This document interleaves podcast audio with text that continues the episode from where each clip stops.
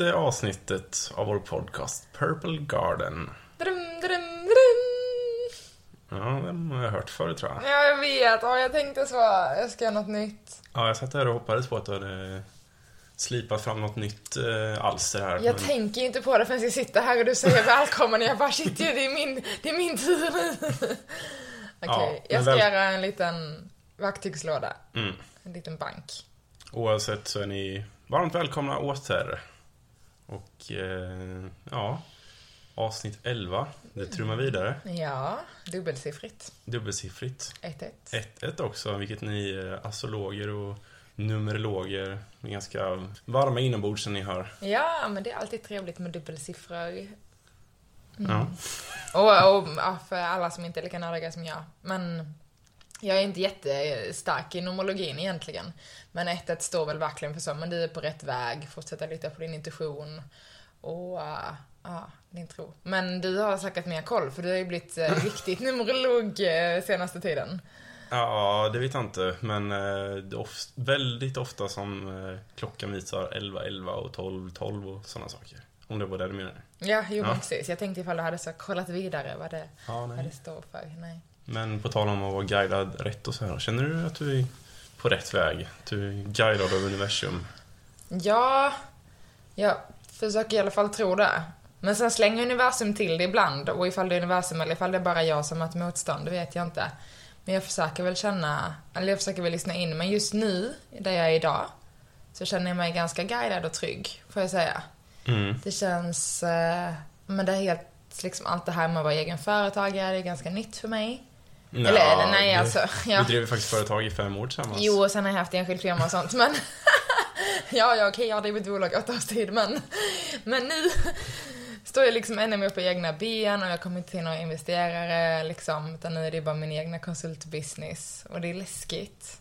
Mm. Men jag känner också att det blir nog bra. Mm. Eh, Eller det blir bra, det är bra. Jag känner ju ändå att jag är så guidad och hållen. Mm. Och jag trodde aldrig det skulle bli så här bra, troligtvis, när jag började. Vilket man alltid tänker så, åh, hur ska jag våga? Och så, ja, ta steget, säger alla, och sen vågar man inte det. För att man är rädd att det ska bli fel, och det var jag också. Men Mm. det blev ganska, nej jag känner mig ganska guidad, skulle jag säga. Men du är inte helt ensam i båten. Vi ska ju göra en del saker tillsammans också. Ja, absolut. Det ska vi Inom det. Purple Garden. Får se vad det växer fram till. Ja, exakt, verkligen. Det är så hela den här, hela Purple Garden biten i allt. Det ska bli jättespännande att se vad det tar oss och vad vi hamnar i. Men det är, jag tror fortfarande så det är någon typ, eller för mig som är ganska så förankrad i trygghet, så är det väl någonting med nu har jag tagit mig loss från att veta att jag får in lön varje månad. Eller jag får ju det för att jag har gjort upp min budget och allt sånt där liksom. Men får man inte in uppdrag så får man inte in lön liksom. Nej. Och där har jag försökt väl hitta en tillit. Och nu Mm. får jag ju, nu har jag uppdrag så jag får in lön liksom. Men så tänker man så, den dagen det inte går. Men då kommer det säkert något nytt. Allting löser sig alltid. Och för mig frihet är trygghet för mig. Mm. För mig att ha, om jag skulle haft en inom citattecken trygg anställning, eh, fasta tider varje dag, gå till en eh, fysisk plats jag ska infinna mig på. Då hade jag känt mig otrygg. Mm. Eller jag hade känt mig Instängd, instängd. Och på något sätt att vara egenföretagare eller göra sina e- egna grejer. Av just den anledningen så känner jag att jag är trygg. Mm. Känner, du att du, är- känner du att du är guidad? Ja, nej, det, det... Tidigare gjorde jag det, nu vet jag inte. Jag känner mig lite så osäker om jag ska vara ärlig. Jaså? Vad ska allt det här ta vägen? Nu har jag ju lagt ganska mycket tid på ja, men paketera min co-creation och sip, sip and paint och mina målningsevent och så här. Och eh, hoppas väl få en del kunder nu i höst. Men eh, jag vet inte, det känns som jag är ute på eh, djupvatten och simmar. Mm. Vet inte riktigt var det ska ta vägen. Men du kommer troligtvis till någon tropisk oas där du kan få vila och infinna dig i solens värme och lugn. Alltså, det är mer än vad jag vet. Ja, nej men alltså om du känner att du är ute på djupt hav så troligtvis är vi väl på väg någonstans. Att vi simmar liksom mot något ställe som, som vi känner oss ja, välkomnade på. Det Ja. kommer lösa sig, ska du se. Men, se. eh, men det är läskigt. Alltså det är ju det. Men det är också så, om man inte har testat så vet man ju inte. Nej. Så nu testar jag. Ja, med exakt. fulla muggar. Ja. Vi ska ju ha två stycken Sip Paint tillfällen i oktober. Det ska bli väldigt kul. Mm, ja, det ska bli jätteroligt. 15 och 22. Ja, exakt. Så det ska vi väl börja skicka ut lite information om Ja, det börjar bli dags nu. vad vad lider. Mm. Ja, men det, jag, jag känner ju att jag är på rätt väg på ett sätt. Jag har hittat saker jag älskar att göra. Och verkligen någonting jag brinner för. Och för första gången i livet så känner jag att jag verkligen har skillnad. Det gjorde jag inte alltså när vi drev vårt företag. Visst att vi gjorde livet enklare för folk som ville odla sin basilika hemma i vardagsrummet och sådär. Men eh, det var ju inte att man gjorde skillnad. Det var ju en, det en lyx... eh, Det var en lyxprodukt vi gjorde som man egentligen inte behöver. Ja, nej, det var en want to have, inte en need to have. Ja, nej men de här senaste, det senaste halvåret har jag ju an- arrangerat en del målningsevent. Och för mig är det ju så mycket mer än bara målningen det här. Och kladdandet, utan det, det är ett sätt att bearbeta ja, men, eh, stress och ångest och ja, prestationsångest och andra jobbiga saker i livet. Och det är många som har eh, kommit fram efteråt och sagt att de kände sig väldigt frigjorda och frågar liksom var, vart kan vi köpa färg och penslar någonstans? Jag vill fortsätta med det här. Och, så då blir, blir man ju lite varm inombords. Igen, Man inser, jag inser mer och mer för varje vardag som går hur, vilket kraftfullt verktyg det är. Ja, verkligen. Jag höll ju på även en liten utbildning online inom eh, terapeutisk målning, eller therapeutic art. Som jag nästlar mig in djupare i. Och ja, det finns väldigt många bra verktyg man kan använda. Ja, verkligen. Det, och det är det som är så, det som jag känner så, det är så starkt, liksom din passion kring det här, så det kommer liksom få komma fram. Mm. Men det är spännande, för sen du liksom verkligen började så dela mer av att du vill så verkligen, eh, men dels att du har delat mer av din målning och teknikerna, så har det blivit lite mindre målning på tavlan hemma. Eh, är det för att du har fått din bas, eller är det för att du liksom har hittat någon annan passion i att så, men gud vad jag kan hjälpa andra istället, och att det är det som får driva dig? Ja, men eh, målningen har ju varit en form av terapi för mig. Att liksom få ut eh, jobbiga känslor på duken.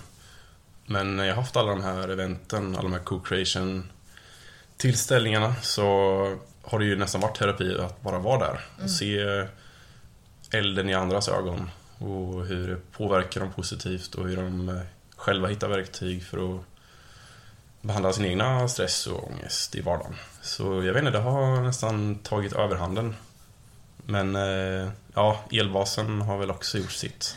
Det har gått lite vågor de senaste tre åren här väl, sen jag verkligen började med målningen och musiken. Att det är en period med mycket målning och sen kommer det en period med mycket musik och sen... Det är sällan de... Öv, de överlappar ju såklart varandra ibland men det är oftast som allt fokus går till en av dem. Ja, och det blev väl lätt så. Alltså Mm. att det är också det man behöver mest i livet, troligtvis. Mm. Så var det väl lite för mig också när jag började undervisa i yogan. Att det var så, jag hade nästan så svårt till, inte svårt till min egna praktik, men det var liksom så, gav så mycket i att, för då planerade jag ju mina yogapass, det gör jag ju inte nu. Vilket jag är väldigt tacksam för, men då var det verkligen så, ja men jag skulle planera passen, jag skulle sätta upp låtlistor och jag skulle liksom komma, ja, det var så mycket att bara, nu kommer, alltså så, att hålla co-creation är ju så naturligt för dig. Eh, men för mig, när jag kom igång med undervisandet med yogan så var det verkligen så, nu måste jag lägga alla mina eh, liksom, ägg, i Ägg. den här korgen. Ja. Mm. För att det var så, och inte att, men det blev ju absolut lidande med min egna praktik. Och det har det nästan varit till och från under liksom de här, vad är det nu, tre och ett halvt år som jag undervisat? Mm. Fyra och ett halvt? Nej. Jag har ingen aning. Time flies. Ja, men det är nog verkligen. säkert fem år. Ja, något sånt. Oj. Ja. Mm. Ehm, och alltså, men jag, jag har ju alltid mina verktyg, mina rutiner som tar mig tillbaka. Men just det här med att, ja, i vissa perioder så blir det mindre och andra blir det mer liksom. Olika saker som får ta plats i livet. Ja, precis. Vi har ju båda hittat våra egna kaninhål. Där vi Ja. både grottar ner oss själva men också vill dra med oss andra. Alla andra. Alla ska med ner i våra kaninhål. Ja, det är mysigt. Ja, eller hur? Och då, kanske, då blir det lätt att man lägger mer fokus på dra ner andra. Ja, exakt. Men det får jag ju verkligen säga, alltså den friheten som det har givit mig att ha eget. Eh, och jag är väldigt tacksam att jag tar min fria tid, som jag inte liksom jobbar, att lägga på mig själv och min egna praktik. Jag ger mig i princip en timme på mattan varenda dag nu, varenda morgon. Vilket jag inte har gjort så här konsekvent på väldigt, väldigt länge. Eh, varje dag. Ja, Så nej, lång Du har tid. varit eh, duktig med det. här. Ja, och jag mår ju så bra av det och det är ju verkligen så. Det hade ju aldrig gått ifall jag skulle infinna mig på ett jobb 8 till 5 liksom. Eller sådär. Så nej, det är spännande eh, hur, eh, ja, hur man landar in i olika sammanhang. Men mycket det här med att man vill dra ner folk i sitt egna kaninhål, det kan jag relatera till. Eh, Och på tal om kaninhål så ska vi hoppa ner i ett annat sådant idag. skutt! Skutt, ja. För dagens eh, tema är nämligen astrologi Ja! och hur det kan få oss att bli lyckliga. Eller kanske inte få oss att bli lyckliga, men eh, vi har ju vänt, vi har ju vänt oss till eh, stjärnorna sedan tidernas begynnelse för att få lite ledstjärnor. Även bokstavligt talat då. Vi kollade på stjärnorna för att hitta kursen om man var ute på havet eller om man skulle ta sig någonstans. Men också ja, astrologiskt.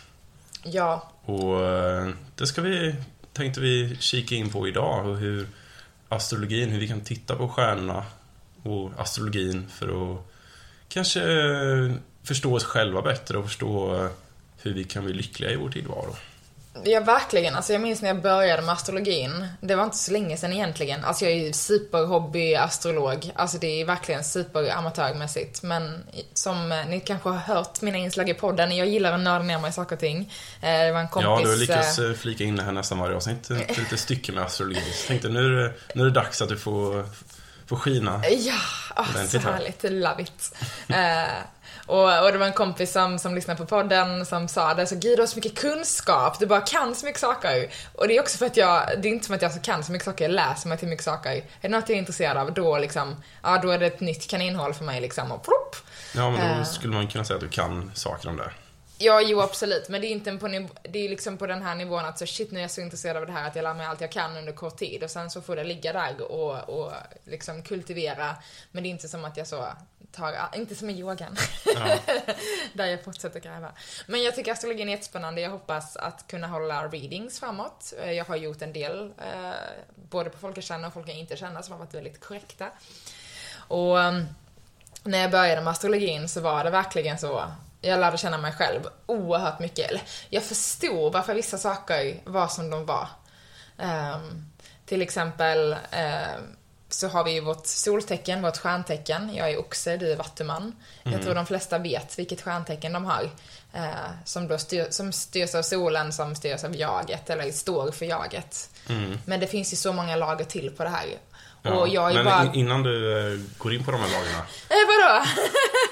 Märkte du att jag började snurra iväg? Jag såg att du började andas kraftigare och dina jag- pupiller förstorades. Tänkte innan du flyger iväg här upp mot stjärnorna så... Men jag ville bara säga vad Ja. astrologin har gett mig, så man inte bara Ja. så, nej astrologi är inget för mig och så slutar man lyssna nu för Mm. att jag ska babbla på här. Ja.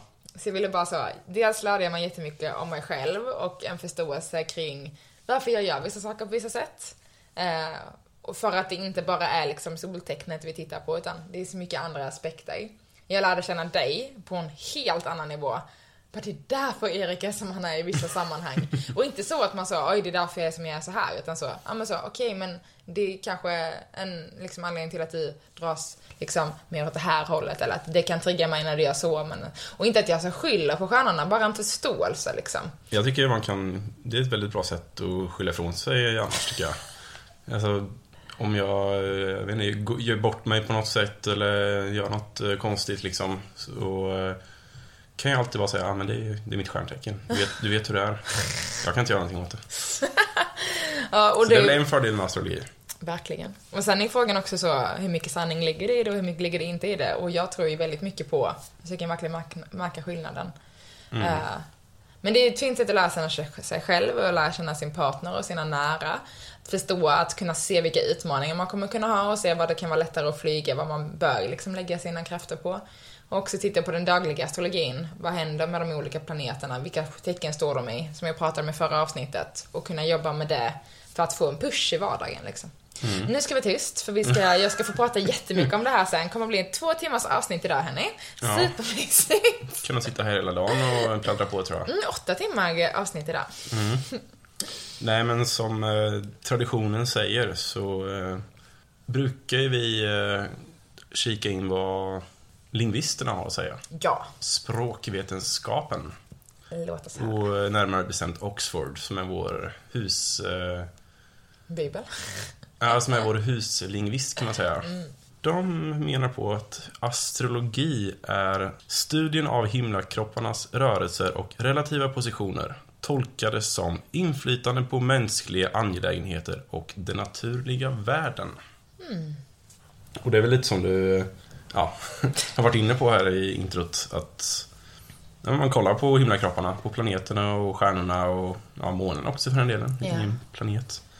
Eh, och sen försöker baserat på hur de står till varandra, hur positionerna ser ut och tol- alltså göra världsliga tolkningar. Ja. Och det är här jag tycker det blir så svårt, liksom när man tittar på astrologin, för det är ju en vetenskap. Men det är ju inte en vetenskapligt bevisad vetenskap, om, om jag säger så. Eh, it's not scientifically proven that it's correct. Mm, Svårt att säga det på svenska. Mm. Och det är väl där jag tycker det är svårt, för att jag önskar att man kunde bevisa det. Men min koppling till allting, det är att så, vi vet att solen påverkar oss. För att dels kan vi se solstormar och hur de påverkar jorden, eh, jordens eh, Schumann-resonans. Ja, det är mer än vad jag vet. Ja, men det är den vibrationen som, eh, som jorden rör sig i. Och vi kan se när det till exempel är solstormar så ökar ju den här resonansen, eller ja, vi får jättemycket energi kastat mot oss. Vilket dels kan slänga i- bort eh, elektronik, påverkar ju elektroniken på värld, i världen. När det är mycket solstorm, solstormar. Äh. Jag ryckar med min egen tunga. Vrickar. vem, men- vem har kommit på det ordet, ursäkta? Ja, en riktig tungvrickare det ordet. Nej men eh, som du säger, alltså att astrologin är ju inte bevisad men eh, å andra sidan, det är ju inte bevisat att den inte stämmer. Och det är ju nästan naivt att tänka att vi människor, eller allt, hur vi beter oss och hur vi är, att liksom universum inte har någon påverkan på det. Ja. Vi är ju allt bara kolatomer som allt annat.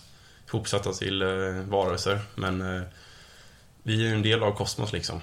Så det vore ju konstigt om eh, jorden och vi människor är liksom isolerade i ett vakuum och inte påverkas av allt runt omkring. Ja, nej, så är det. kan ju bara inte vara så liksom. Mm. Eller det är så, jag har så, så svårt att, alltså det, nej det kan inte vara så. Och sen universum är ju så otroligt komplext. Alltså det, enda, det enda jag är säker på här i livet, det är att ingenting går att räkna ut. Alltså allt, allt eh, is up for grabs. Ja, ja men precis. Det finns liksom inget som är omöjligt någonstans. Och jag tror också mycket på det här, vi var ju inne och touchade lite på det i vår kropp, sinne, själ avsnittet. Men jag tror också lite så, men, men själen, den, den är ju så, det är ju en energivarelse som är förkroppsligad i vår kropp liksom, eller som förkroppsligas, förkroppsligas hos oss. En energiidentitet. Exakt, och det är klart den här energiidentiteten som vi då inte riktigt vet hur vi ska definiera själen helt enkelt. Men på något sätt så sätter den vår karaktär. Och sen har vi vårt DNA, men det är mer vårt kroppsliga. Och sen har vi vårt arv och sen har vi liksom påverkan av, av den miljön vi befinner oss i. Men någonstans tror jag ändå som med den här själen som kommer, den måste ju påverkas av något annat. Och där tror jag verkligen så, att universum har en grund. Och det, vi kommer gå in i det också, men vi har ju till exempel eh, South Node och North Node, eh, södra och norra noden i vårt horoskop. Och det visar liksom var vi kommer ifrån, vad vi har för eh, bagage med oss i vår själsresa. Och den norra noden liksom visar ju snarare var vi är på väg någonstans i vår själsresa eh, och under det här livet. Mm. Så eh, någon, alltså det är ju svårt just det. Jag gillar ju också när det är tekniskt bevisat och allt det här liksom. Men någonstans, det, Ja, det finns för vara en, mycket eh, sammankopplingar i astrologin för att det inte ska vara sant Det liksom. må, precis, det måste ju vara en stor konflikt för dig. Du som måste ha allt svart på vitt. Du är nästan nördig efter vetenskapliga bevis och att eh, allt går att bevisa, allt går att förklara. Men det här är någonting som verkligen inte kan bevisas eller kan förklaras. Nej, precis. Eller kan det där? Ja, Nej, hade jag haft eh, oändligt med pengar så hade jag lätt satt upp eh, jättestor forskning kring de här bitarna. Det känns lite som, som mitt mission i livet. Det är liksom att ta allt det här som kallas spirituellt och andligt och fluffigt och flummigt. Det är så, jag vill behålla allt i den kategorin, men jag vill liksom plocka in vetenskapen för att attrahera alla andra människor in i det här liksom. Där Ja. ser jag en jättestark bro, där jag själv liksom är intresserad, men jag vet att jag tror på det här, jag kan känna energier, ja, det fluff-fluffiga liksom. Men också att jag har den här starka förankringen till liksom, ja, men vetenskapen och vilja kunna förklara saker och ting och vad är det som händer. Eh, ja, nej, jag ska ju bli forskare inom spiritualitet helt enkelt. mm. astrologidrottningen. ja, det vet sjuttsingen. Ja, men ehm, har vi något mer spännande? Nu fick vi höra Oxford. Ja, Eh, vad jag har, inte, jag har inte plockat med några fler lingvister, men eh, en av våra gamla husfilosofer fick vara med här faktiskt. Oh, Carl Jung, jajamän. mm. schweizaren, som ja, analytiska psykologins fader, skulle man kunna säga. Eh, Men han eh, drar kopplingar till eh, vin faktiskt. Alltså inte staden vin, utan drycken vin. Okej. Ja, Okej. mm, Vad har du själv för koppling mellan vin och astrologi? Astrologi. Det är ju väldigt komplext. Ja, ja. Det är, det är inte fel. Nej, men eh, han säger att eh, vi föds i ett givet ögonblick, på en given plats. Och precis som ett årgångsvin har vi kvaliteterna från det år och den årstid som vi är födda i. Astrologi gör inte anspråk på något mer än detta. Oh my god, alltså älskar honom. Ja, men det var som att han verkligen fick sätta, han tog det här fluffiga som jag pratat om och satte det i ett väldigt filosofiskt perspektiv. Mm. Jag ska säga, det här var en ganska annorlunda citat från Carl Jung, för han gjorde någon, nu, här gjorde han ju någonting, tog ett komplext begrepp och gjorde det enkelt att förstå. Annars brukar han ju vara ganska bra på att ta enkla koncept och göra dem helt eh, omöjliga att förstå. ja, jo men precis. Det är som att han grottar djupare åt andra hållet. Men det kan man väl addera också, alltså vårt eh, specifika horoskop som då inte bara är vårt soltecken utan vi har liksom, vi har månplacering, vi har alla planeterna i olika placeringar, vi har eh, olika som sagt noder och riktningar och, och liksom, när det så, ja, saker och ting går upp på horisonten när vi föds. Och allt detta påverkas helt på den platsen, alltså den longituden och latituden vi föds på i, på jorden liksom. Och klockslag och datum såklart. Um, och precis som han nämnde att vi liksom ett specifikt år, en viss karaktär. Och det tar ganska lång tid för våra yttre planeter att ta sig igenom horoskopet. Så tittar vi till exempel på ja, men Pluto, Saturnus, Jupiter, Uranus, Neptunus. Eh, de här liksom, planeterna tar flera ja, men månader och år på sig att ta sig igenom ett tecken. Vilket gör att folk under väldigt lång tid, till exempel Pluto, om vi tittar på den, det är mellan 9 till 12 år tar det, tar det för Pluto, nej ännu längre. Ja, Det var det vi pratade om, alltså en generation människor. exakt. Jag tror vi pratade om det i eh, Summer of Love-avsnittet. Att just eh, att de som föddes där någon gång på 50-talet och var unga vuxna under flower power-vågen. Att det var något speciellt med den generationen helt enkelt. Att det kan ha varit med hur Pluto var positionerat på den tiden. Ja, verkligen. Och så är det ju med alla de här tecknen att man brukar prata om, ja men så, att det är liksom den här generationens grund att, att dra med sig någonting annat eller, ja, um, att, att bjuda in något nytt liksom. Uh, vilket jag tycker är väldigt spännande. Nu försökte jag lite snabbt ta reda på hur länge de här planeterna är i varje tecken, men vi ska inte gå så djupt in heller under den här eh, avsnittet så vi skulle verkligen kunna prata i timmar. Och det ska Vi och vi. Jag kan hålla monolog. Ja. ja, men... Eh, Ska vi eh, kasta in en väderrapport och... oj, ja, Ja. ja, Ja. ja. Nej, jag tänkte väderrapport, det lät spännande. Jag vet inte riktigt vad du vill komma med det här, men jag bjuder in det. Nej, men jag har fiskat upp en eh, amerikansk författare här som jämförde astrologi med väderrapporten. Mm. Han säger att, eh, ja det är Lee- Goldberg för övrigt då. ingen superkändis, men en ja, amerikansk eh, författare slash manusförfattare. Kanske mestadels med manusförfattare eftersom han drar kopplingar till väderrapporter och sådär. Jag kan tänka mig att han har gjort någon sitcom kanske. Mm. Eh, Men han säger i alla fall att astrologi är som en väderrapport. Den talar om för dig vilka förhållanden du sannolikt kommer att möta i framtiden. Om meteorologen säger att det förmodligen kommer att regna, tar du med ett paraply. Om du följer det rådet blir du inte blöt. Punkt. Punkt. Ja. Fint. Ja, men det är så här, det är ju, astrologin ger väl inga absoluta sanningar, men den kan väl ge fingervisningar om vad som eventuellt kan komma att ske. Och att Verkligen. man ja, kan förbereda sig på, på det helt enkelt. Precis. Både kopplat till sitt egna liksom, horoskop och chart, men även kopplat till det som är dagligen nu, liksom. Hur plan- planeterna står per dagen och så Och här. då menar vi inte horoskopen som är på sista sidan i eh, Tranås tidning, utan eh, för det är ju ja, någon som någon praktikant har skrivit ihop, förmodligen. Det finns faktiskt vissa, man tittar på, tittar man på vissa större tidningar så är det faktiskt riktiga astrologer som, som skriver dem. Ja, eh, Men, ja, kanske många veckotidningar vet jag inte riktigt om det är någon eh, helt. Men det är det som också är så svårt. För om man tittar på de här liksom små i slutet av tidningen, då tar man ofta något som är väldigt generellt för alla andra liksom. Och jag skulle vilja påstå att horoskop och läsningar av astrologi går knappt, alltså det går ju att generalisera såklart. Men det kommer alltid ha en, en personlig koppling till hur ens egna horoskop ser ut. Liksom. Och det är därför det blir så himla komplext. Alltså det är ett otroligt, en annan anledning också, så inom parentes här, att jag älskar astrologi och grottar ner mig där. Det är så analytiskt. Det är så många aspekter som man kan ta in. Eh, Så jag ska dra det här jättesnabbt bara för att så förstå uppbyggnaden av ens horoskop. Om, om vi är där. Ja. ja nej, men ös på bara. Ja. Men vi har liksom våra free grand eh, positions. Så dels har vi solen och vi har månen och sen har vi något som kallas ascendenten eller rising sign på engelska. Som är liksom den punkten där stol, solen, eh, ja men, s- nu ska vi se, ja men där solen går upp samma stund som vi föds på himlavalvet liksom. Ehm, eller ifall det är solen som står i centrum. Ah, skitsamma, nu, det är något av det. Jag tror det är rising, precis när den går upp från horisonten. Och de här tre påverkas väldigt mycket. Och sen har vi alla andra planeter, liksom alla planeter som vi har i vårt solsystem. Om vi bara får flika in här, vad, vad har solen och månen för inverkan då?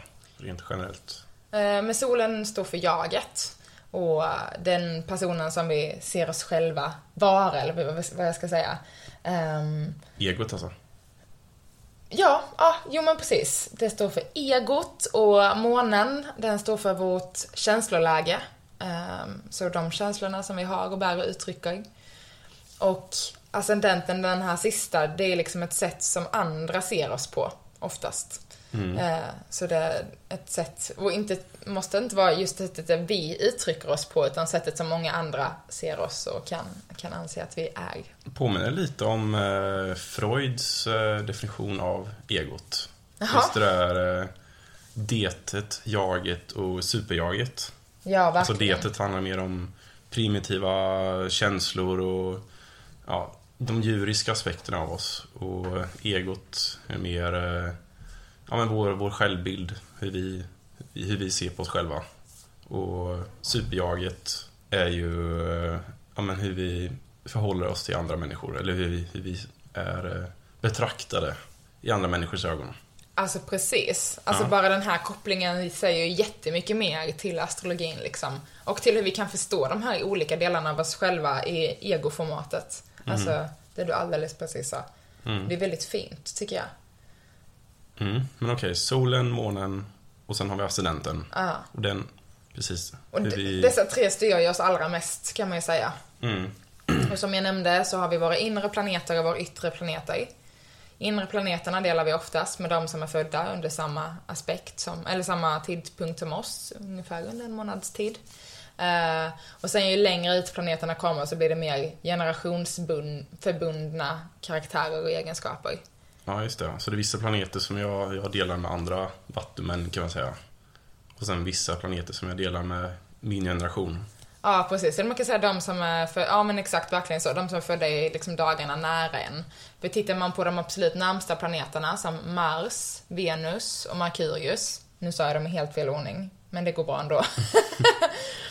men de här rör sig mycket snabbare genom ett tecken.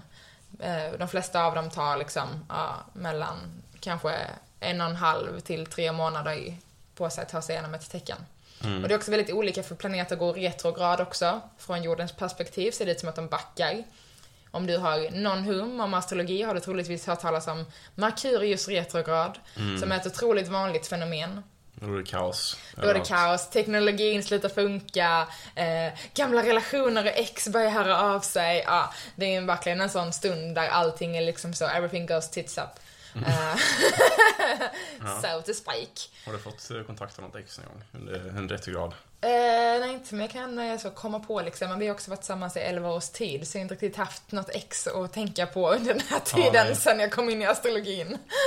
det var ett tag sedan. ja, det var ett tag sedan. Um, men, men absolut, man, man brukar prata om att man ska inte skriva under några avtal under Merkurius retrograd. Och sen är jag väl också lite så, men man kan inte låta hela livet stanna upp. Men det som framförallt innebär retrograd är väl att så, det som händer det är att så samma tid, alltså mellan samma grader som planeten går retrograd, så ska man se vad hände i mitt liv eh, under den här tiden som planeten gick framåt, under de här graderna. Och så är det egentligen en tid för en reflektion och kunna koppla tillbaka, snarare än att vi ska rusa hela tiden.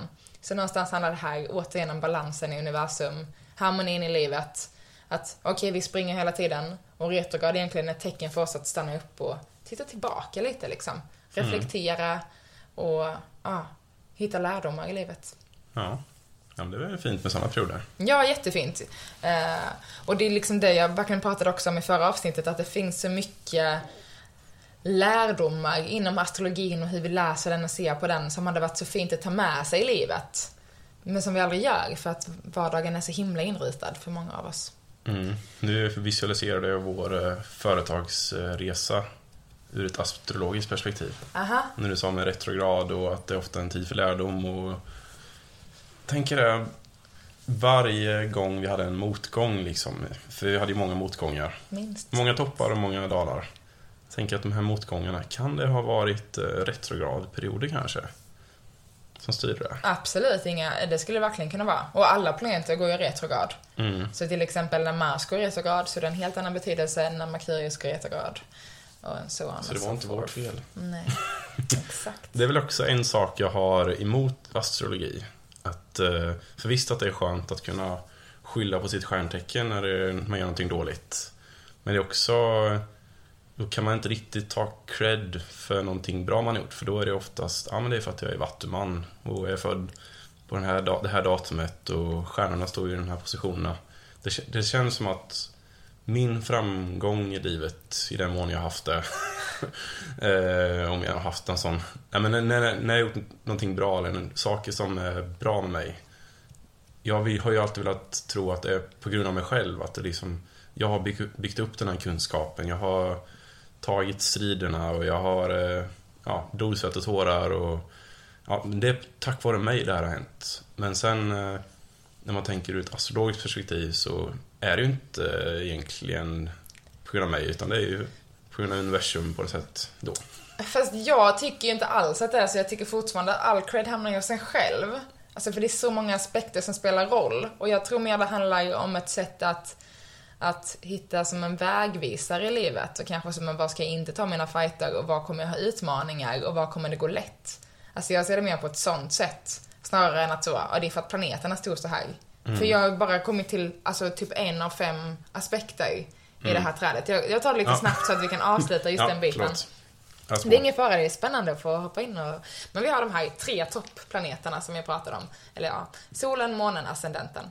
Sen har vi våra inre planeter som påverkar oss ganska mycket karaktäristiskt, personligen. Och sen har vi våra yttre planeter som är generationsbundna oftast. Och sen har vi våra hus. Mm. Nu börjar det bli komplext. Nu börjar det bli komplext. Det är liksom här någonstans har jag alltså pausat, jag ska inte säga pausat, men jag har valt att grotta ner mig mer i stjärntecknen i sig och i planeterna för att man kan inte ta allt samtidigt. Och jag vill så lära mig något till 110% innan jag går vidare till nästa. Men här har vi då våra hus. Så även fast jag kan, så även fast vi säger så här Till exempel i mitt fall har jag ehm, i min, ehm, nu ska vi se, nu tappar jag nästan bort mig, men jag har Merkurius i värduren, vilket gör att jag har en väldigt eldig kommunikation. Men sen har jag eh, Merkurius också i ett hus, och det påverkar min Merkurius på ett helt annat sätt. Så där kommer en till aspekt. Så de här husen kommer ha olika placeringar som inte alls är kopplade till vilken planet som ligger i vilket stjärntecken och så vidare. Så de här vänder om ganska mycket och husen tittar man väldigt mycket på i liksom den dagliga. Som jag ska se, vad ska jag göra idag? Eh, på hur liksom astrologin står för mig. Då tittar jag oftast på husen eh, i kontrast till var planeterna ligger idag. Snarare än att jag tittar på att så, men jag har min eh, sol i oxen. Då tittar jag mer så, okej okay, men eh, var är solen idag, i vilket tecken och hur påverkar det mitt hus här? Ja, nu börjar det bli komplext liksom. Ja. Nu tappar jag ju nästan bort mig själv i ja, mina börjar... tankebanor. Och sen då såklart, utanpå det här så har vi ett till lager och det är aspekter. Aspekter i form av att planeter kan stå antingen i liksom, de kan stå i linje mot varandra, de kan stå i triangel mot varandra, i kvadratur, ja det finns ju massa olika namn. Eh, de kan stå konjunkt när de står i samma punkt och sextilt. Ja, men så det finns då eh, sex eller sju olika aspekter där de här också då kan liksom möta varandra på olika, olika sätt och vis. Eh, vilket gör att de lyfter varandra eller drar ner varandras egenskaper på olika sätt. Så det är ju riktigt komplext det här liksom. Mm. Ja, jag blir ju alldeles snurrig av att sitta och lyssna. Ja, eh, och nu sitter du där hemma och bara, vad håller de på med? Vad snackar de om? Så låt oss ta in den här lilla pausen och sen så ska vi bryta ner det här mycket, mycket enklare till en nivå där du faktiskt kan lyfta in det här i din vardag. Liksom, ja, på ett sätt där du inte behöver veta så mycket. Och du kommer kanske göra en liten read på mig? Ja, men kanske ja, en liten read. skrap, skrapa lite på ytan i alla fall. Ja, se om jag kan hålla det kort. Behöver inte gå in i alla husen kanske. Nej, men, vi skippar eh, husen. Ungefär lite, lite vad det handlar om. Och framförallt hur man med hjälp av astrologi kan lära sig känna sig själv lite bättre och lära känna vad är det som gör mig lycklig och ja, lite sådana saker.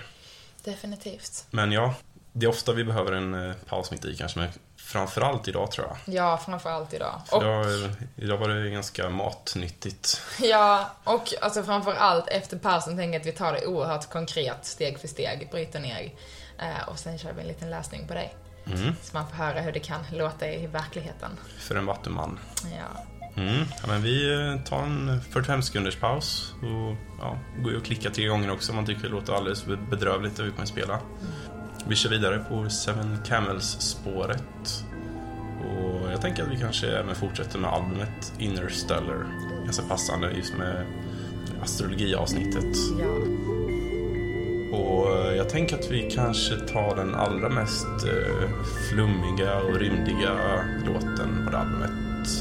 Som heter Shine On You Crazy Camel. Så eh, vi hörs om 45 sekunder.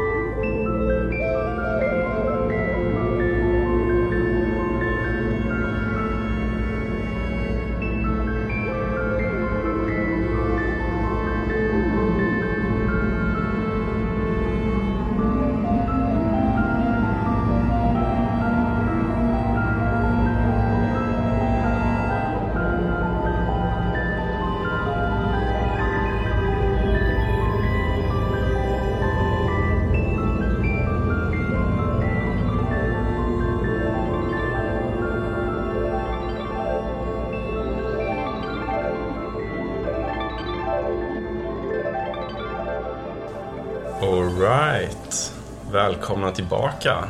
Ja. Det var kanske en, en eh, välbehövlig andningspaus där. Ja, jag tror det var för oss också. Ja, framförallt för dig. jag såg att din, eh, din andning blev tyngre och tyngre. Och till slut så var det nästan flämtande. Ja, det pratade bara snabbare och snabbare också. Ja, det var så upp i varv så att eh, jag ser nästan att pupillerna förstoras lite här. Och, ja, det skiner om dig. Ja. Jag tycker det är kul med astrologi helt enkelt. Jag tycker det är väldigt kul med astrologi. Mm. Ja, nej men det är verkligen, alltså jag... Och där kan jag också bli så himla liksom lite så trött på strukturer och sånt. Som att så, ha, jag som älskar det här, jag som läst princip allt jag kan om det i böcker och gjort läsningar och hit och dit. Ja, jag behöver typ fortfarande så, ha, ska jag gå en utbildning för att certifiera mig, men vad säger det mer? Liksom ett ah, namn på ett papper för att få hålla readings. Jag vet inte. Någonstans blir det så, ah, konstigt. Men det är väl klart, jag fattar att det måste finnas en trygghet och en bas i allting som man lär ut, liksom. Så är det ju, av en anledning. Men eh, jag älskar ju Mm. det här. Och vill någon ha en hobbyläsning så kan vi läsa det. Mm. Men eh, ja, hoppas att ni har kunnat landa i alla olika liksom, utkastningar. Men astrologi är komplext. Liksom. Och om någon säger Vi får så... se det som ett eh, första avsnitt om astrologi. Ja, vi skrapar exakt. lite på ytan och så... Om du är snäll så kanske vi gör en djupdykning lite längre fram. Precis. Mm. Och, och också liksom något som många kan vara så att man kanske läser om sitt stjärntecken och så bara, "Oj, jag är inte alls sån. Och det är som sagt för att den är en sån himla liten del av det du faktiskt är. Liksom. Mm. Vi kommer gå igenom det när vi gör en läsningen på dig. Eh, så flyttar den till början av hela avsnittet för att man får en förståelse. Men låt oss plocka upp lite vad vi avslutade förra veckan. Då pratade jag ju om att vi nu var i jungfruns period som vi faktiskt lämnar imorgon. Eh, för att, ja, nu, nu när vi spelar in det här då, så den dagen vi släpper det här så har vi lämnat jungfruns period. Eh, och vi har gått in i vågen. Och jag tänker att vi tar horoskopsåret från början och kanske kan få den här förståelsen till hur alla de här tecknena, hur det faktiskt hålls samman och guidar oss genom, genom ett läsår, tänkte jag säga. Ehm, och horoskopets år börjar med värduren i mars. I mars, okej. I mars månad. Varför börjar det i mars? Ställ inte så svårt Jag har ingen aning varför det börjar i mars. Ja. Men eh, där börjar det horoskopiska året. Ja, det är att Nice. eh, våren kommer och eh, livet börjar på nytt. Exakt. Jag tror det kan säkert handla mycket om det. Men jag vet faktiskt inte grunden till varför det horoskopiska året börjar i mars. Men... Eh, Första torsdagen i mars. Äh, första torsdagen i mars. Nej, men det börjar ju faktiskt den 20 eller 21 mars. Ja. Så det ska jag också säga. 20 mars då har jag namnsdag. Ja, Ja, grattis. det är vår dag jämning också. Va? Jag typ namnsdag den 19 mars. Ja. Oj. Fyra Ta fira nästa år då. Ja, verkligen. Ehm, men bara för att addera liksom. Att ungefär runt den 20 till 22 varje månad, där skiftar vi soltecken liksom. Eh, där går solen in i en ny planet. Eller en ny planet. I, en ny, eh, I ett nytt tecken. Inte i en ny planet. Så vi börjar med Mars, den 20 mars till då den 20 april. Jag kommer inte säga eh, datumen framåt, utan så från mars till april. Du kan tänka mitten, mitten om det är enklare för dig. Men väduren, det är eld, det är hålla igång, det är power och det är lite... Eh, alltså det är inte så mycket så kom och se mig, utan det är mer så bara köra över, skit vad du säger, liksom lite diva-style, men inte att vi så lyfter upp oss själva, men så var lätt till den här inre elden och argumentationen typ. Ja, men det går ju att dra kopplingar till vanliga lite också. Med tanke på efter en lång vinter så blir man ju helt eh, tokig när det blir lite varmare ute. Man kan springa ut och man blir ko kor på grönbete. Och jag tänker att... Eh, Kan inte styra våra känslor. Exakt! nej, precis. Och en björn som vaknar upp i det efter några månaders sömn och bara vill... Han är lite gnällig också, eller hur? Ja, men det är mycket eld och... Ja. Ja, precis. Det är mycket eld, det är mycket känslor. Som sagt, kan vara lite den här irritationen, eller inte irritationen, men lätt att så sätta ner foten och säga ifrån. Eh, vilket jag också tror så där, nej, nu, vintern, kylan bort, nu ska jag göra min grej här. Eh, ingen stoppar mig nu, kör jag på. Eh, så det är väldigt fint att börja horoskopiska året då, när våren börjat komma på intåg, med att faktiskt kicka igång ett projekt liksom. Men nu kör vi det som en ny kula och vi har elden med oss och våren börjar komma i naturen. Och det finns helt enkelt energi att göra saker och ting. Och det kan ju bli en ganska så eh, käftsmäll när vi kommer från en lång vinter och vila, liksom natursmässigt. Att komma in i den här eldiga perioden. Eh, och då kommer ju såklart oxens tecken efter det här. Ditt tecken. Mitt tecken. Eh, och sen det handlar mycket om trygghet, grundning, elementet jord såklart. Vi ska så våra frön för kommande tider. Vi måste liksom så våra frön, gro våra grödor och ha någon bas att stå på. Och det är också väldigt viktigt med eh, ja, trygghet och relationer och familj för en oxe. Och jag tror också så, men det grundar sig mycket i att så, men våren kommer, vi ska börja oss ut på fälten, vi ska börja utforska, men först måste vi samla flocken och se liksom, okej, okay, har alla vaknat? Är alla team, med? teambuilding. Liksom? Lite teambuilding, exakt. Så en jättefin period att så, men verkligen så, efter att vi har kickat igång alla våra projekt i liksom början av eh, astrologiåret, eh, i värduren, så handlar det om att okej, okay, men vänta, nu måste jag samla in, vad är det jag håller på med egentligen? Och sen därifrån ta en riktning framåt. För att sedan komma in i tvillingen, så nu är vi ungefär mitten av maj till mitten av juni. Och då kommer vi in i tvillingens tecken som är ett lufttecken. Vilket innebär att så, nu blir det lite scattered igen liksom. Solens energi börjar komma, drar sig, vi är liksom överallt, vi vill gärna kommunicera. För tvillingen är också ett kommunikationstecken. Eh, och, men också lite det här two-faced, liksom. Det är väldigt lätt att vi kan gå in i oss själva och vara oss själva. Men det är också väldigt lätt att vi vänder, hittar tvillingen av oss och verkligen lever ut. Och oh, liksom mixen mellan introvert och extrovert. Um, och man brukar säga att tvillingar har väldigt lätt att, att kommunicera och gillas av väldigt många människor just för att, för att vi har så lätt att anpassa oss. Så det är verkligen en tid att anpassa sig och jag tror också det kommer med liksom värmen och solen, att vi vill komma ut och träffa liksom, människor och socialisera. Berätta om våra idéer och tankar. Mm. Ja, det är kul. Mm. Sen kommer vi in i kräftan, så ja, 20 juni framåt, en månad. Och här har vi då liksom vattentecken, det är emotionellt, återigen tillbaks till liksom, ja men, mycket familj. Inte liksom just så mycket trygghet, men så väldigt mycket familj och framförallt mycket känslor. Så kräftan står mycket för känslor, men också så här kan det vara en stark utmaning, för som vi alla vet, kräftor har sitt hårda skal, så liksom vi har byggt på oss alla våra projekt, vad vi ska göra, liksom vi har byggt på oss vårt hårda skal. Men vi är fortfarande supermjuka på insidan. Och det är så okej, okay, men här kanske vi behöver ta den där pausen för att låta den här mjuka insidan få ta lite plats i början av sommaren. Det är så lätt att vi springer iväg i den elden som årstiden bringar med sig. Och vad händer när vi kastar vatten på het eld? Det förångas och det blir ganska jobbigt. Så här behöver vi hitta balansen mellan vårt mjuka inre och vårt krispiga yttre.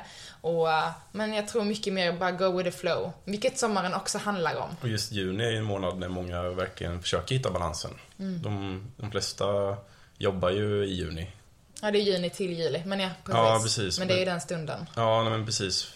Och folk eh, slängs mellan att eh, ja, men jobb, åka till kontoret och jobba och stå i och, och sen så vara ute och njuta av vädret och sommaren helt enkelt. Ja, verkligen. Så det är en ständig balans och en balansgång. Och den är ganska jobbig emotionellt också. Så jag mm. tror verkligen det är extra ja, fint att lyssna in. Mycket FOMO den här perioden. Mm, Man sitter inne på ett kontor och blickar ut, solen skiner. Folk är på uteserveringar. Ja, precis. Man har åkt på semester. Ja, det blir en sån här mellanläge. Man kan inte riktigt njuta av sommaren och man kan inte riktigt eh, liksom vara in tuned på kontoret. Så att det blir oftast ingenting av det. Nej, alls. precis. Ja, ungefär lite så. Eh, vilket kan vara väldigt känslomässigt jobbigt. Liksom. Mm. Så där skickar vi med tipset. Välj en sida. Antingen vara produktiv eller njuta av livet. Ja, och, Försök inte göra båda. Nej, precis. Också som låta känslorna få styra liksom. Uh, mm. Mm. Och uh, sedan kommer vi in i en eldperiod igen. Så vi, vart fjärde, liksom, vi har fyra, fyra runder. Vi kör eld, det kommer in i jord, luft och vatten. Och så går det ju liksom, ja, tre runder under astrologiåret. Så efter kräftan kommer vi in i lejonet och vi vet alla hur ett lejon är.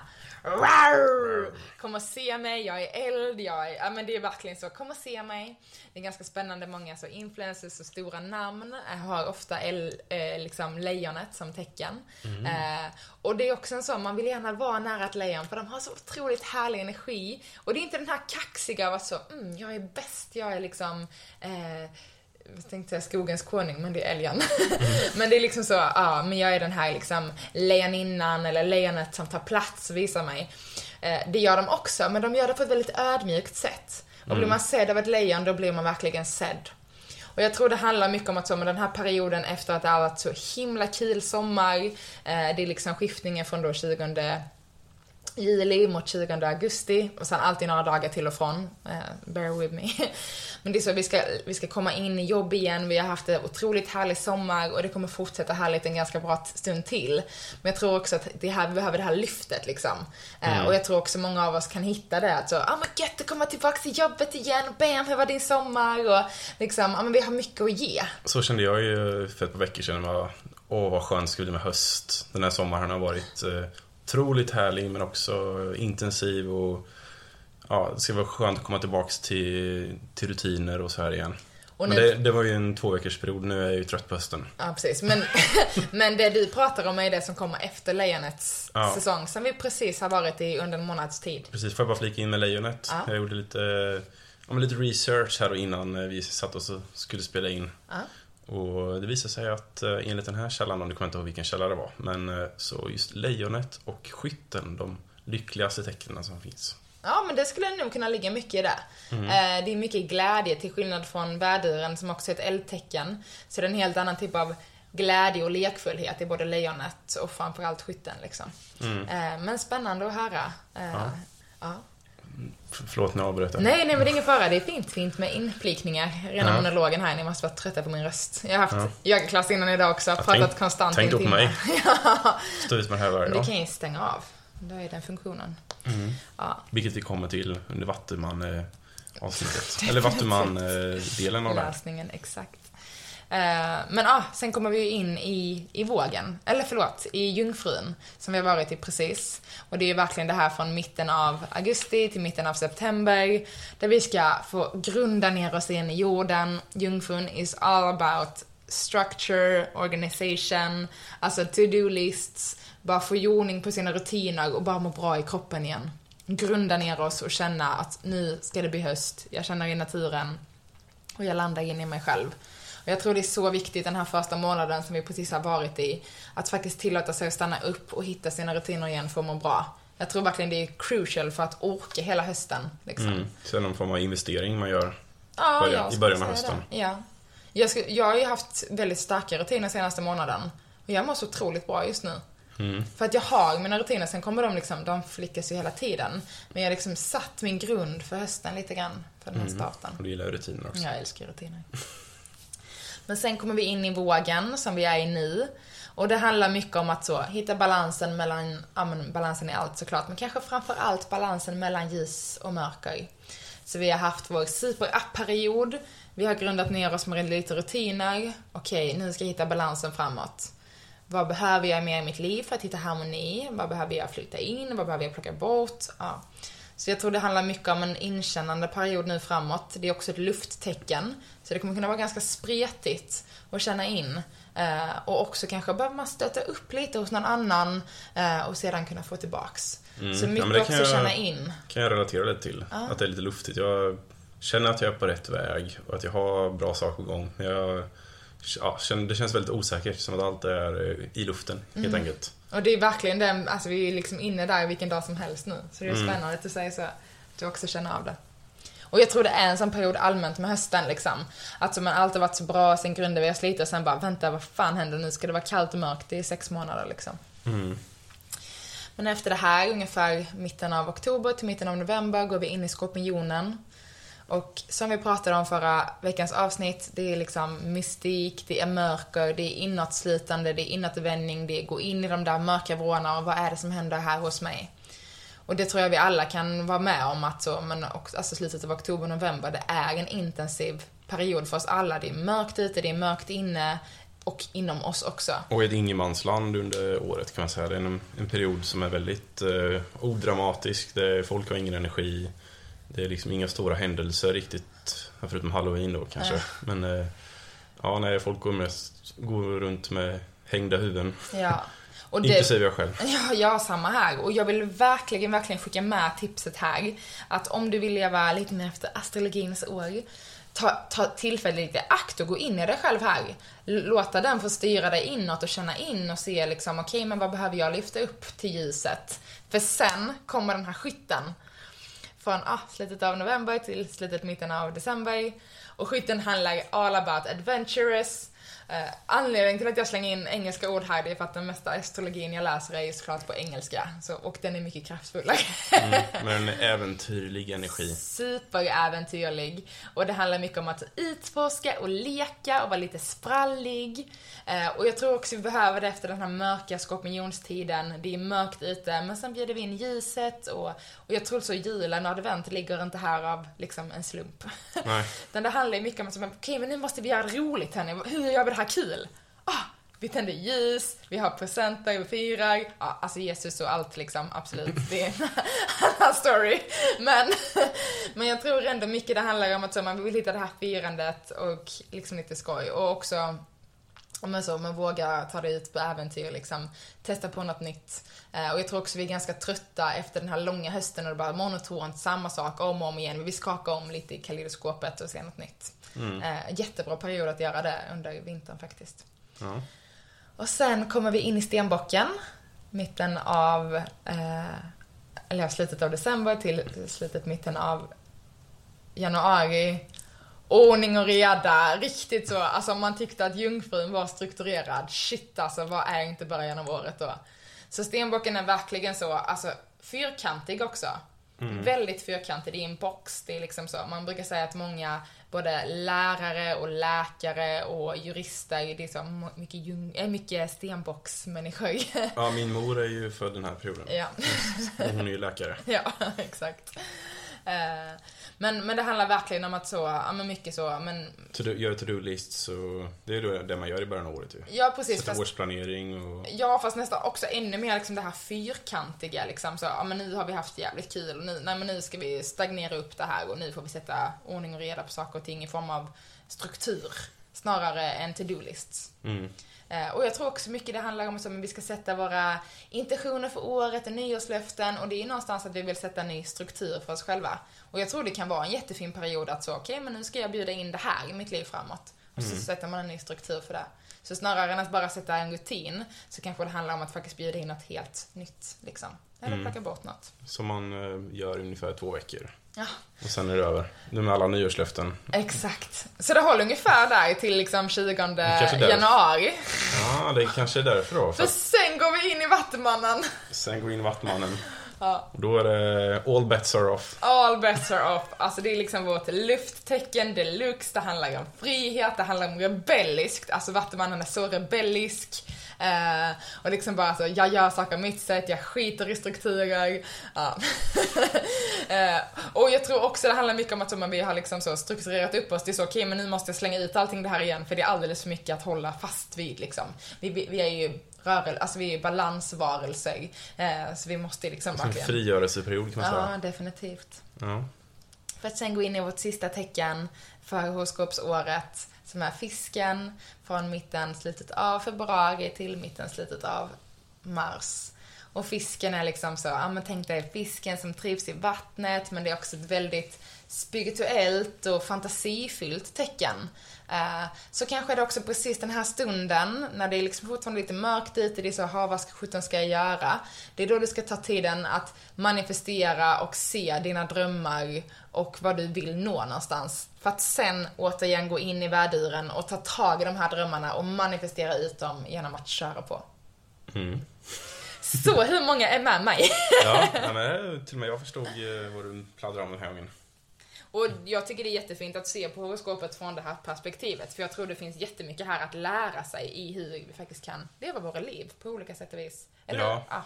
precis. Och jag har ju, ja men för, ett, för kanske tio år sedan eller fem år sedan så tänkte jag att astrologi det är ju verkligen en new age mambo jumbo. men eh, efter att ha läst eh, mitt horoskop, eh, alltså inte det som står på sista sidan i Tranås tidning utan faktiskt lite mer avancerade horoskop då som man kan hitta online. Så känner jag att, ja, nej men det stämmer ju skrämmande mycket här. Alldeles för mycket för att det inte ska vara någonting som är sant i alla fall. Så det, ja, det, det har ju fått mig att lära känna mig själv bättre. Och varför jag är knäpp på vissa sätt liksom. That makes two of us. Mm, stjärntecknets fel, inte mitt fel.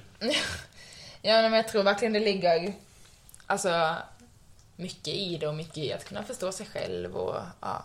Liksom. För ni hör nu, alltså det är inte som att så, det är inte som att det här är taget från luften hur vi lever vårt år. Alltså det ligger väldigt mycket i hur vi vill dras som människor. Ehm, Det är inte bara något jag har hittat på nu liksom, utan det är, så här ser den, och detta är ju som sagt en väldigt ancient, vad säger man, ur, Uråldrig. uråldrig liksom vetenskap. Sen att vi inte har bevisat den, en annan sak liksom. Men jag tror att vi kommer komma dit också, faktiskt. Men eh, innan tiden ska springa iväg alldeles för mycket, alltså jag hade verkligen kunnat prata tre timmar till, men vi har redan kommit en timme in i podden ungefär. Så jag tänker att vi ger ett smakprov på ditt horoskop, bara lite nuggets. Eh, Jag kommer nämna lite planeter och jag kommer inte gå mitt djupaste in liksom, eh, för att det har vi inte tid med. En läsning i sig kan ju ta en timme liksom. Ja, eller ett år. Ja, Beroende på hur djupt man vill forska i det. Men jag tänker att vi börjar med att du är vattenman, vilket sätter ditt jag väldigt mycket. Och du är ur-människans vattenman. Du är luftig. Du älskar att styras av dina tankar, att flytta iväg i dem, att flytta iväg ut i universum liksom. Eh, Och du har en väldigt stark rebellisk sida. Alltså jag kopplar bara det till, till det du sa i början av avsnittet där du sa Frihet för mig är trygghet. Ja. Alltså bara en vattenman skulle säga så. Eh, Trygghet är fängslande. Ja men någonstans Så liksom. trygghet är per definition eh, motsatsen till frihet. Ja men precis. Eh, och, och Vattumannen är också så väldigt oförutsägbar och du hatar, eller hatar är ett starkt ord men du gillar inte planera så mycket. Du vill gärna som att ta det som det kommer och händer något skoj där vill du kunna göra det. Och det är också väldigt mycket Vattumans tecken liksom. Och det handlar om det här luftiga, vi kan inte liksom låsa in luft för du kommer hitta en väg att sippra sig ut. Och du är verkligen så, du tar platsen som luft men du gör det på ditt ödmjuka sätt. Liksom. Eh, och sen är jag så tacksam för att du har så mycket placeringar i stenbocken. Så eh, dels har du din måne i stenbocken, vilket jag är mindre tacksam för. Och stenbocken, det är lite mer strukturerat, ordningsamma. Ja, det är den där fyrkantiga boxen som vi inte vill sticka ut ett finger ifrån. Precis, och månen är eh, känslor och emotioner. Ja. Vilket innebär, om jag gör min egna amatörtolkning här, att jag har känslorna i schack. Ja, eller känslorna inlåsta. Eller och inlåsta. lite svårt att uttrycka dem. Vilket jag kanske skriver under då som fru till dig. Då får man se det. Ja. Men det kan också handla om att ha känslorna i schack, vilket du också har. Alltså det är ju väldigt, så du är ju väldigt inkännande till dina egna känslor och sen kanske du inte delar med dem på det sättet. Jag får ju dra dem ut lite ur dig liksom. Ehm, vilket jag också kan se som en stark konflikt för dig själv liksom. Att så, men du har dina känslor i schack här men det är också den här liksom frigörande varelsen och being som bara vill liksom vibrera. Men liksom att liksom känslorna som också är styrda, eh, nu ska jag inte gå för djupt in, men av månen.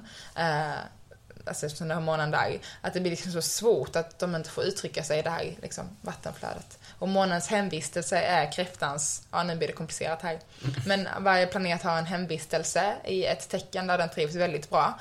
Månens hemvistelse är kräftan, vilket också är känslornas tecken och vattentecknet. Så det kan finnas en konflikt här, att, ja, men att dina liksom, känslor är fast i stenbocken och i det här strikta fyrkantiga. Men det kan också handla om att ha känslorna i schack. Verkligen. Det finns alltid två mynt. Och det vill jag säga, ehm, det finns alltid två mynt. Det finns alltid liksom positiva Nej, och negativa. Det finns ett mynt med två sidor. ja, exakt. Ett mynt med två sidor.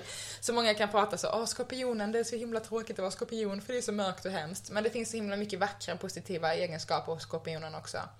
Och du har din ascendent i skorpionen.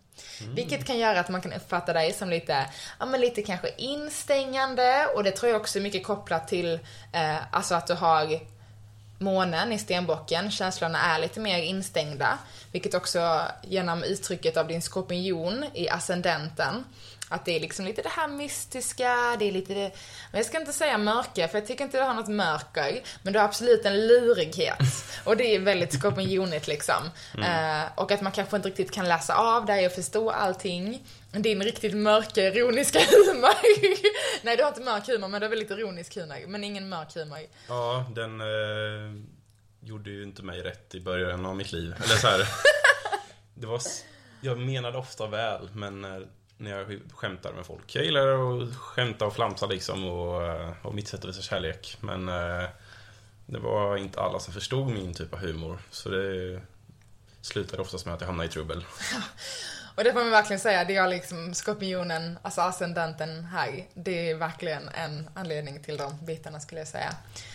Eh, men det är också väldigt fint för det gör att folk kan vara väldigt intresserade och inspirerade och vill veta mer. Men vem är den här mystiska Erik? Och jag tror också det har en, en, ehm, en vad ska man säga, eh, vad säger man, ett mynt i hatten? Nej. Ett mynt i hatten? Nej men nej, nej, det är så eh, att det ligger där i, att det ligger, ligger det i fatet? Ja, det ligger Nej. i fatet. Jo, nej, det är något negativt. Ja, Ja. en fjäder i hatten. En fjäder i hatten, Ja. yes. Mynt i hatten.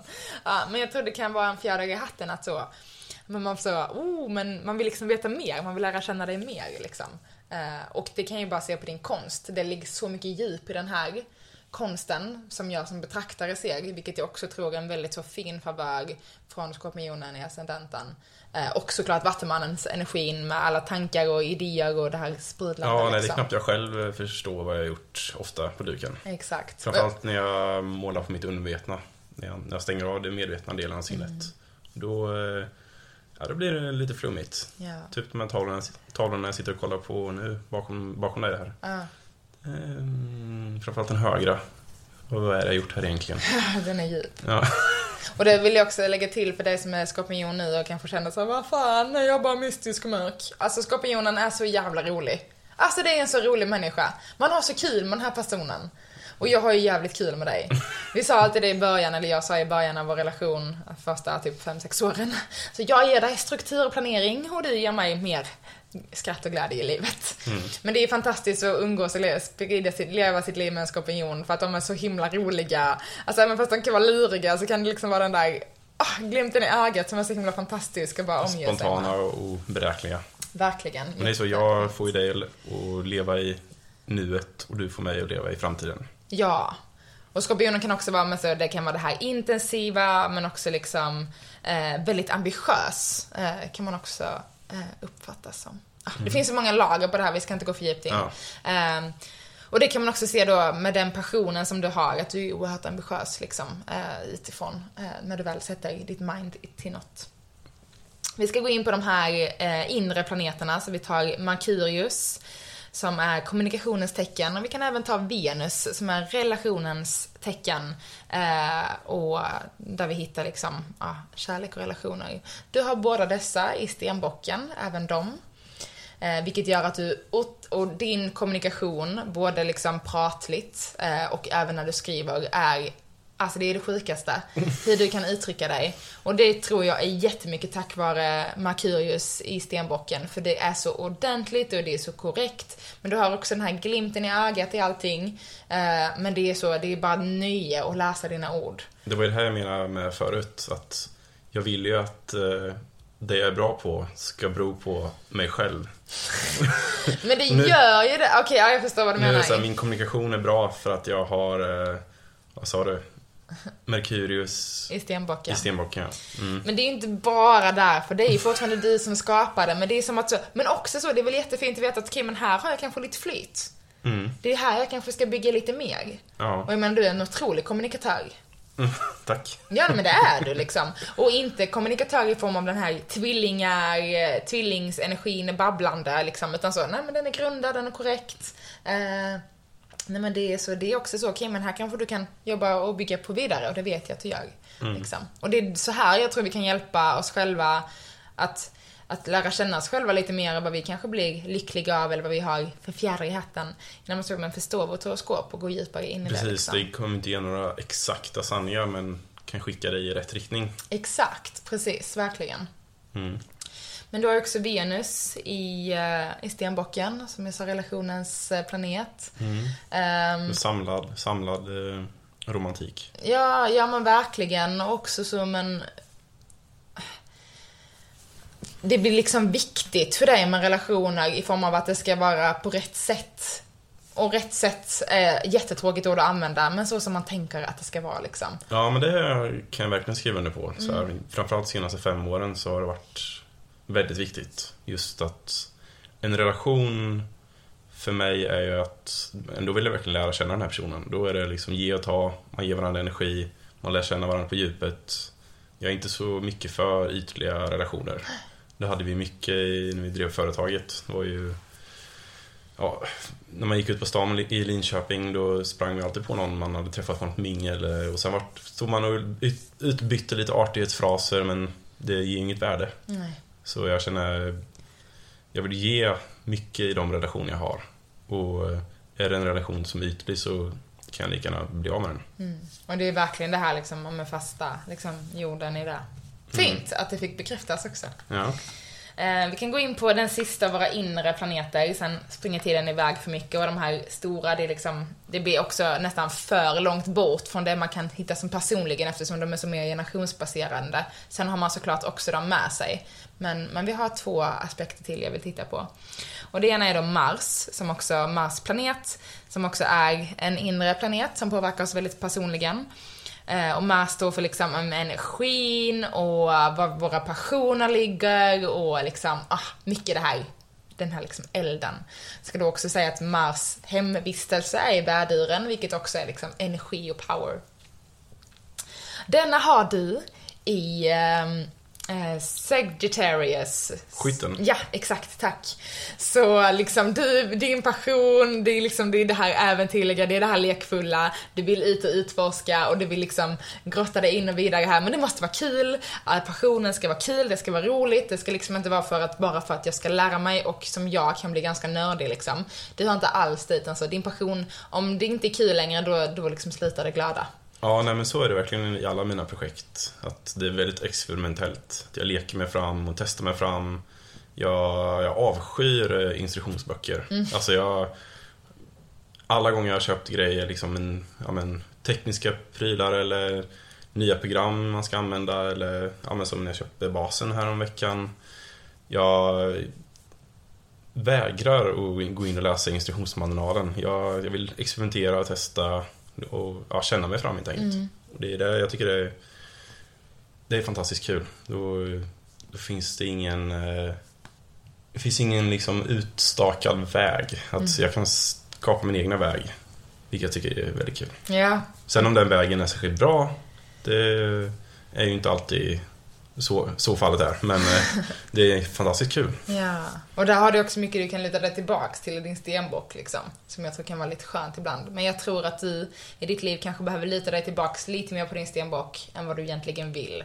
Och här är konflikten mellan Vattumannen och stenbocken, alltså den är intensiv. Yes, och sen har vi sista två aspekterna här. Vilket är ganska spännande, de jag vill ta upp. Så det ena är North Node som jag pratade om, är liksom där, där vi tar oss vidare och framåt liksom. Uh, dit vi är på väg. Ja, dit vi är på väg, precis. Uh, och den har du också i Vattumannen.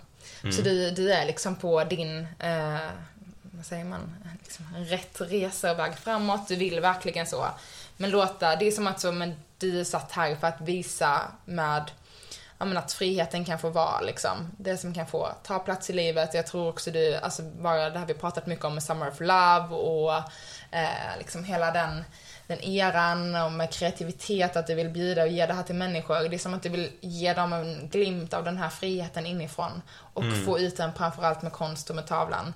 Och det är därför jag tror att du är på så himla rätt väg. Men det är en, det är en tuff jävla väg du går liksom. Det är, nej men det är det. Men om man tittar så horoskopsmässigt så är det rätt. Du ska, jag ska inte säga att du ska leda folk till frihet, men du ska ge folk en glims och verktyg av att få hitta den här inre friheten. Och det är vad din, liksom, dharma inom yogan. Men det är liksom, men lite vad du är placerad här på jorden för liksom. Ja, men just frihet är ju det viktigaste som finns i livet tycker jag. Mm. Det, utan frihet så är vi inlåsta. Det är någonting som genomsyrar allt jag gör allt jag varit med om. Just vikten av frihet. Och magin som kan skapas när människor är fria. När människor är verkligen fria. Mm. Och det är, om man ska ta ett mer eh, lättsmält exempel. Alltså de här co-creation-eventen. När folk är helt fria. De, får, de är vana vid att de har eh, struktur och mål och dagordningar och, och förhålla sig efter. Men när de kommer hit så Go nuts, gör vad ni vill. Mm. Och då märker man att de, ja, men de börjar lysa. De lyfter lite från marken. Det är något vackert med frihet. Mm. Men då säger du att jag är på rätt väg och kanske inte behöver luta mig så mycket mot stenbocken då? Jo, men för att grejen är den att eftersom du också är vattuman och du är på väg ännu mer mot vattumannen, så det är liksom luft på luft. Mm. Kan du tänka dig hur scattered det kan bli? Du behöver strukturen i Ja, stenbocken. Ja, exakt. Eh, Men en annan, bara en liten miniaspekt också. Eh, För då, du har tre av de här fem yttre planeterna som då styrs generationsvis. De är också stenbocken. Så du är också född in i en generation där det är liksom lite mer inrutat. Vi är alla, eller vi är alla, men vi är båda 90-talister. Jag tror alla vet lite 90-talisternas liksom så. Eh, villa, vovve, Volvo, skaffa utbildning, skaffa barn. Det är liksom lite mer instruktionsboken som vi liksom är lite infödda i vår generation. Och, du har, och det är liksom en stor generation som har, där du har många av de här större planeterna i, i Vattumannen, eh, förlåt, i Stenbocken. Och jag tror det är bra, alltså det håller dig tillbaks, vilket är lite jobbigt, för att du jobbar ju med de här människorna som har exakt samma, men jobbar ju oftast med de som är i vår generation. Liksom. Det är de vi har närmst kontakt med till. Och de jobbar du emot, för att de har ju också så mycket i Stenbocken. Ja. Ehm, och, och där är det ju verkligen så liksom att, ah, men du, får, du får liksom hitta den här balansen och möta dem på deras plan någonstans. Vilket jag också tror du verkligen gör nu genom att som en co-creation för företag, eh, kick-offs, liksom. Och jag tror att så, Dra ner folk i mitt kaninhål. ja men precis, men från ett stenbocksperspektiv. Liberation. Precis.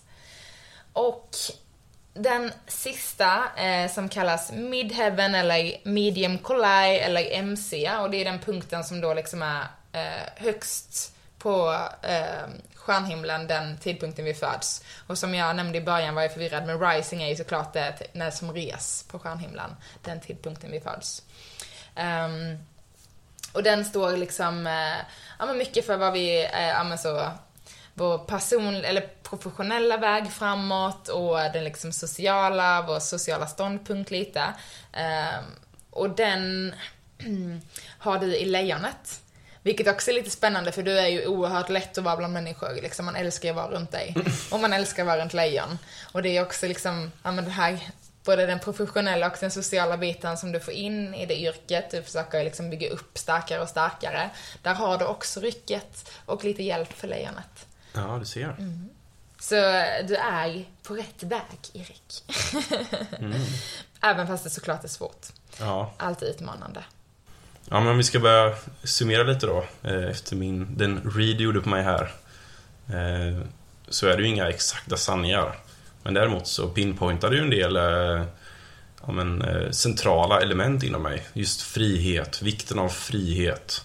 Och nu har jag ju upptäckt på andra håll att jag gillar frihet väldigt mycket. Men det finns ju väldigt mycket saker om mig själv, om en själv som man inte vet. Och det är väl här astrologin kan komma in och hjälpa till. Just det där med att, ja, men vikten av frihet för mig. Eh, om jag inte känner till det så kanske jag blir, ja, men, rutar in mig själv och mår dåligt av det. Om man sen verkligen förstår att jag blir lycklig av frihet. Och i ditt fall exempelvis, du blir lycklig av eh, trygghet och familj och, och, den, och den typen av grejer. Och känslor är också en viktig grej för mig. Ja, precis. Om man tittar på mina placeringar nu ska vi inte gå in där nu för att förvirra det här men... Ja, nej men eftersom vi är en, en podcast om lycka så tänkte jag vi Mm. kan vi knyta ihop det lite. Att Ja, absolut. Man blir kanske inte lycklig av astrologi, men man kan eh, lära sig saker om sig själv av astrologin som man blir lycklig av. Ja, och skapa för, alltså förutsättningar för sig själv att kunna leva sitt bästa liv i balans och harmoni någonstans liksom. Men jag tror nu kanske du också fick en helt annan förståelse hos, okej, stenbocken, jag kan tänka mig att du kommer läsa på lite om stenbocken efter det här. Och kanske förstå, okej, men hur ska jag förhålla mig till det här? För det är verkligen också två dragningspunkter. Så jag tror mycket om att hitta ett förhållningssätt utifrån sitt horoskop. Och nu känner jag dig, så jag hade verkligen kunnat göra den här readingen. Alltså när jag läste ditt horoskop och gjorde det här själv så var det så, shit vad jag bara förstår och lär känna Erik på en helt annan nivå nu. För jag kunde ju vara ganska irriterad över vissa saker tidigare i vårt förhållande. Och inte att jag så skyllde undan dem på att, ja ah, men Erik är sån i sitt horoskop. Men jag förstod att okay, men det finns liksom en mer eh, antydan till att du kommer göra de här grejerna liksom. Och det var som att jag inte behövde, inte att så, det ska försvara en men Ja men jag fick bara känslan av att så, men jag känner det på en liten annan nivå nu. Och det var också fint. Och i det kunde jag hitta en lycka. Att Att också så släppa lite mer av att saker och ting alltid, allt ska vara som man gör själv liksom. Ja, jag tror det var samma för mig. Alltså när jag fick, när du berättade, det var inte att jag, så att jag gjorde en read av dig, utan det var ju du berättade ju för mig om ditt stjärntecken. Mm. Och ja, men fick ju mig att lära känna dig bättre. Så jag har ju också varit irriterad på dig. Att du Mm. varit, varit för eh, liksom icke-spontan, att allt ska planeras och så himla jordad och ja men sådana saker. Som gör att jag har mer förståelse för dig. Och, mm. Och det är jättefint hur också, för det vill jag också äh, an, liksom lägga till här bara lite kort innan vi avslutar. Att det är väldigt fint, kanske framförallt i en relation. Vi har också läst ett horoskop om hur våra tecken påverkar varandra. Och när jag ska säga detta är bara på ytan som vi har läst nu också. För sen finns det de här aspekterna som förstärker och trycker ner ett tecken. Det kan vara så att till exempel nu, nu har jag det längre ner men jag ska inte scrolla och lägga massa tid på det. Men det skulle till exempel kunna vara så att din ehm, eh, jag menar att din Mars i ehm, eh, ja, men det, din, eh, din Mars i skytten, den kanske har en aspekt mot sig som gör att den dras ner jättemycket. Eller att den förstärks jättemycket. Och då påverkar den av ett annat tecken och hit och dit liksom. Och sen har vi som sagt husen som påverkar också i vilka delar för då kan det till exempel vara så här att Mars i stenbocken ligger i ett visst hus, ett hus har en viss karaktär, så det kanske är mycket mer fördelaktigt att jobba med din passion i, i en viss liksom, punkt av livet. Det kan vara allt från, eh, ja men återigen, självet, hemmet, karriären, pengar, ja, och så vidare. Så det finns ju också flera djup på det här om man vill gå ännu djupare. Men jag tror att så man bara får någon sån här övergriplig bit och bara, men stanna upp och reflektera lite över sig själv liksom. Mm. Och se, okej, okay, men vad kan jag hitta för förhållande till det här och hur kan jag skapa mer lycka i mitt liv efter den här kunskapen? En annan kul sak, eh, vi, man kan ju också, jag vet inte vilken sida du har använt nu, men den sidan vi brukar kolla på, så kan man ju också korsbefrukta två, eh, två personer helt enkelt. Alltså man eh, skickar in ditt stjärntecken och mitt, Mm. eller ditt födelsedatum och mitt. Och så gör sidan en analys för hur kompatibla man är med varandra. Exakt. Och när vi körde in våra två profiler i det här så stod det ju, nu kommer jag inte ihåg exakt ordagrant, men det var ju i princip abort mission. Det ja, men är- alltså varenda en säger så också Vattuman never in their lives liksom. Ja, nej precis. För vi är ju otroligt olika. Mm. Vi, på många olika sätt. Och det, det var de ganska tydliga med i den här analysen också. Att ni eh, passar inte alls bra ihop av de här eh, 37 anledningarna. Men sen står det också så här på slutet. Om ni får det att funka, om ni tar, tar er över den här tröskeln så kan det bli något alldeles extraordinärt. Mm. För att ni i så fall kommer ni komplettera varandra till nya höjder. Mm. Och det känner jag ju med dig. Vi kompletterar ju varandra väldigt bra. Nej, verkligen. Det har vi definitivt gjort. Mina svagheter är dina styrkor och vice versa. Ja.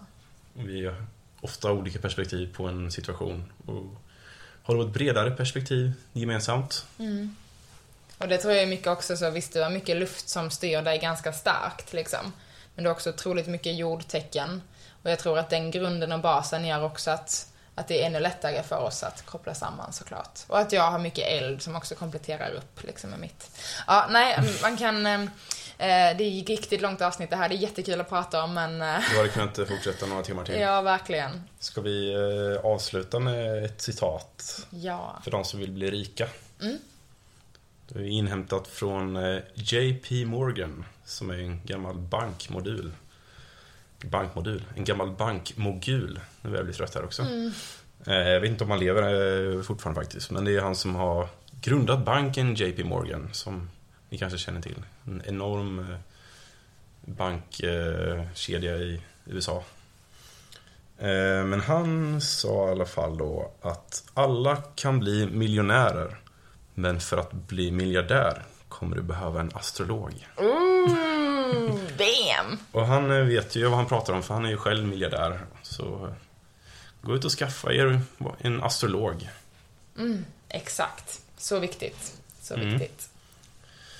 Ja, men vi kanske nöjer oss sådär då. Ja. Vi kan ju ja, men tipsa alla att gå in och göra en egen läsning. Exakt. Vilken- Man kan gå in på astro.com eller astro-chart.com. De brukar jag gilla. Vi kan ju kanske lägga ut det på Mm. Instagram. Yes, det kan vi göra. Och sen även göra det tillsammans med sin partner. Mm. Så man lär känna varandra på ett eh, djupare plan och kanske bli mer förstående för sin partner. Hur, hur partnern agerar. Verkligen. Och kanske, ja men sagt, även lära känna sig själv bättre. Mm. Och kan ha mer förståelse för sina egna handlingar. Och hur man, hur man är som person. Ja. Mm. Och vill ni ha astroläsning av mig, eh, muntligt eller skriftligt eller både och, eh, på plats eller digitalt, så får ni jättegärna skriva till, till mig antingen på Instagram Josefin Soderby eller höra av er till oss på vår Instagram Our Purple Garden. Så får vi se ifall jag kanske får ett litet uppskott i min astrokarriär. Ja. Men oavsett andra frågor kring podden och annat, eh, förslag på ämnen och hit och dit, komma i kontakt med oss, gör det på Our Purple Garden på Instagram. Mm. Det är bara att ösa på med allt. Ja. Från himmel till jord. Yes.